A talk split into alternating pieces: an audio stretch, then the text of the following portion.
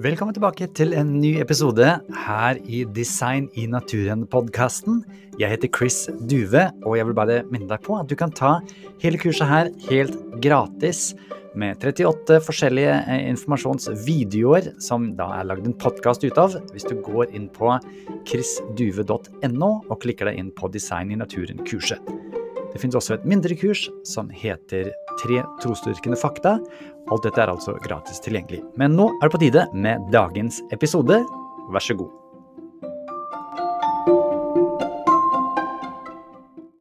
Hei, det er Chris, og i denne undervisningsvideoen skal vi rett og slett stille litt spørsmål. Fordi det er jo greit at noen påstår at dette her er ikke reduserbart komplekst og må være bygd, må være designa, men vi må jo sjekke Utdanningsdirektoratet har jo sagt at vi skal utforske, identifisere, bruke informasjon fra ulike teksttyper og vurdere kritisk hvordan naturvitenskapelig informasjon framstilles og brukes i argumenter. Og det er akkurat det vi skal gjøre. Yes, sir.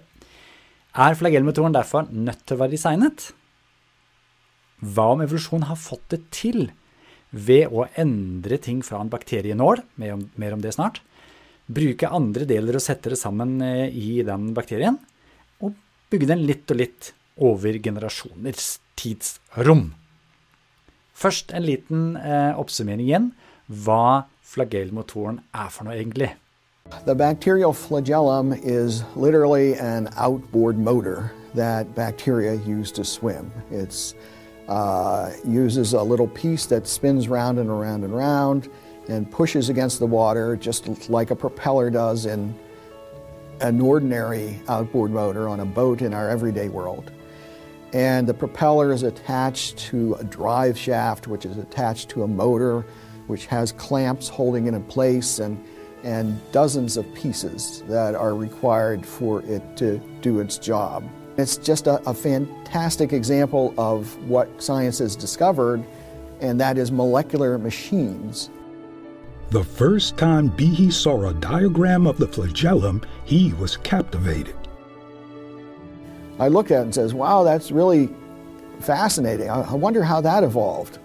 And then I'd turn the page and say, go on, do something else. And uh, just my, any skepticism was defeated by assuming that somebody must know this, because everybody says Darwin's theory is true.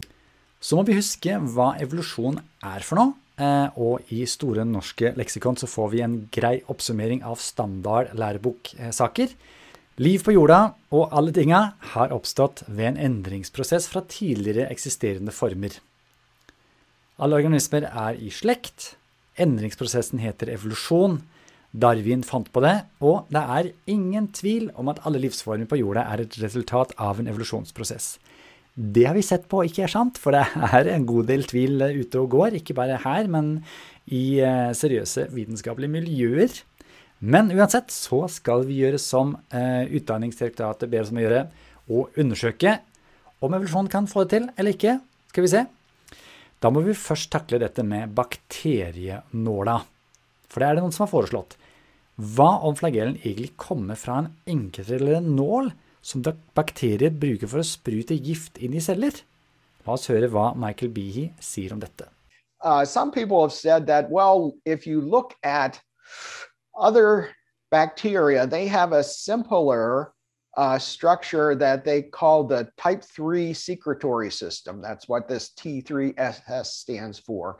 And it doesn't spin, but it does push proteins out through a hollow interior and it uses those proteins to kill other cells. And since the flagellum also has a hollow interior and it pushes proteins out through itself, but not to kill other bacteria, it uses them to build the outer portions of the structure.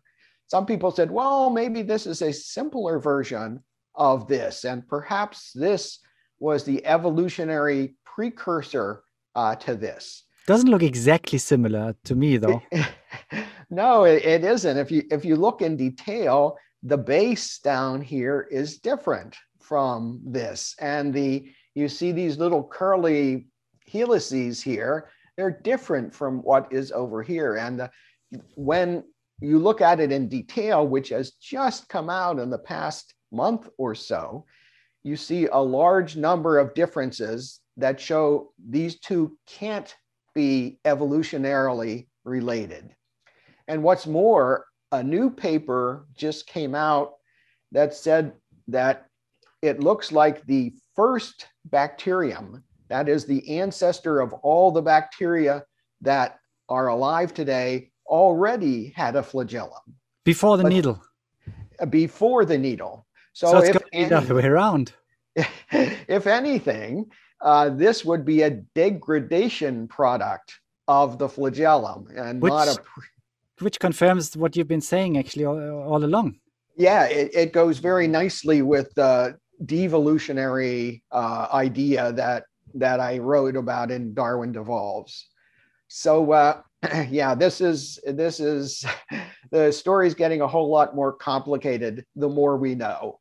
It's it's a general principle that Darwin's theory looks great when you don't know that much about biology and when you know more it starts to lose its luster gets to, gets to the limits I mean, in which that but that's good science right first Absolutely, first you believe yeah. something about you have a theory you uh-huh. start testing it and the bad stuff falls yeah. apart and the yeah. good stuff like adaption stays and it's it's not completely wrong it can explain some things but but mostly by breaking things Den lar vi stå fordi en bakterienål som er for ung til å være opphavet til det som kom før, selvfølgelig har den ikke sjans der. Men kan det være andres deler, altså andre organeller, som på en måte spleiser på for å lage denne motoren? La oss undersøke dette. Darwinian explanations of the flagellum assume that parts already existed that natural selection could reuse in order to build the flagellum. This may well explain some features of the flagellum, but there's a big problem. Key flagella parts are turning out to be unique. They don't appear to exist anywhere else. They are only found in the flagellum, and if they didn't exist already, natural selection wouldn't be able to use them to build something else. Når det så er deler som ikke finnes noen andre steder, så er det selvfølgelig ingen andre som kunne spleise på det, så den er grei.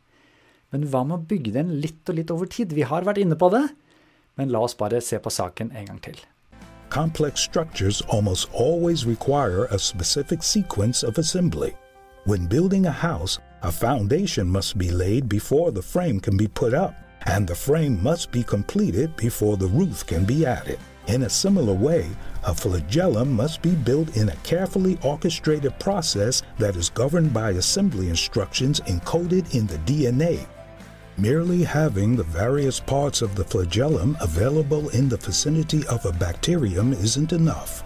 Even if you had just floating around a type 3 secretory system or a hook protein or a rotor or a drive shaft, you've got to put these things together. And biological systems aren't put together like Lego bricks.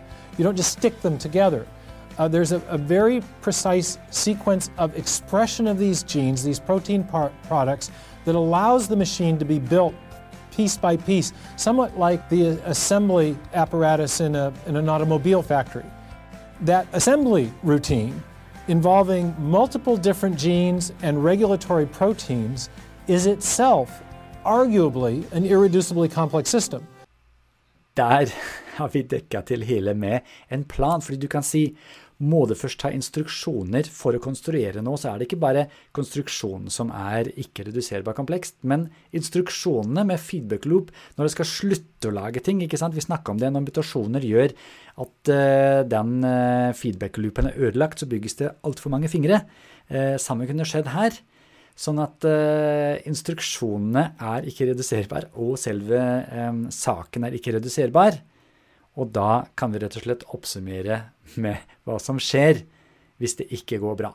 Well, if you wanted to build an outboard motor for a boat, uh, what would you start with? Would you start with, say, just a, a, an iron rod that, you know, in the future would attach a motor to the propeller? Well, what's that going to do? It's not going to do anything. Would you start with uh, just a propeller? Well, that's not going to do anything. It's not attached to anything. Would you start with just the motor? Well, that's not going to propel you anywhere. So, with irreducibly complex systems like the flagellum, uh, Darwin's idea is dead in the water, like a, boat with an outboard motor that doesn't work. I denne leksjonen har du lært at flagellen er ikke fra en bakterienål. Den er ikke fra andres eller andre deler. Han er ikke bygd over generasjoner. Den funker, eller så funker den ikke. Så alt sammen må være på plass for at den er verdt å ta med i naturlig utvalg. Flagellen er en ikke redukserbar kompleks motor, og det betyr at den er designa. Da er det tid for action. Tenk deg en samtale. Kan du forklare at det har vært innsigelser for argumentet at flagellen er ikke reduserbar, at den ikke kan ha blitt til, osv.? Hva er innsigelsene? Og hva ville du sagt til bakterienåla, som kunne blitt en motor, til andre deler som kunne spleise, blitt spleisa sammen, eller til at den kan ha blitt bygd litt og litt over tid? Hva ville vært dine svar? Hvis du syns det er litt vrient å svare på, er det selvfølgelig lov å se videoen en gang til. Du kan skrive ut oppgavearket og gjøre det skriftlig, det kan også være lurt, for da kan du ta det med deg videre, disse svarene. Men jeg er sikker på at dette, det klarer du.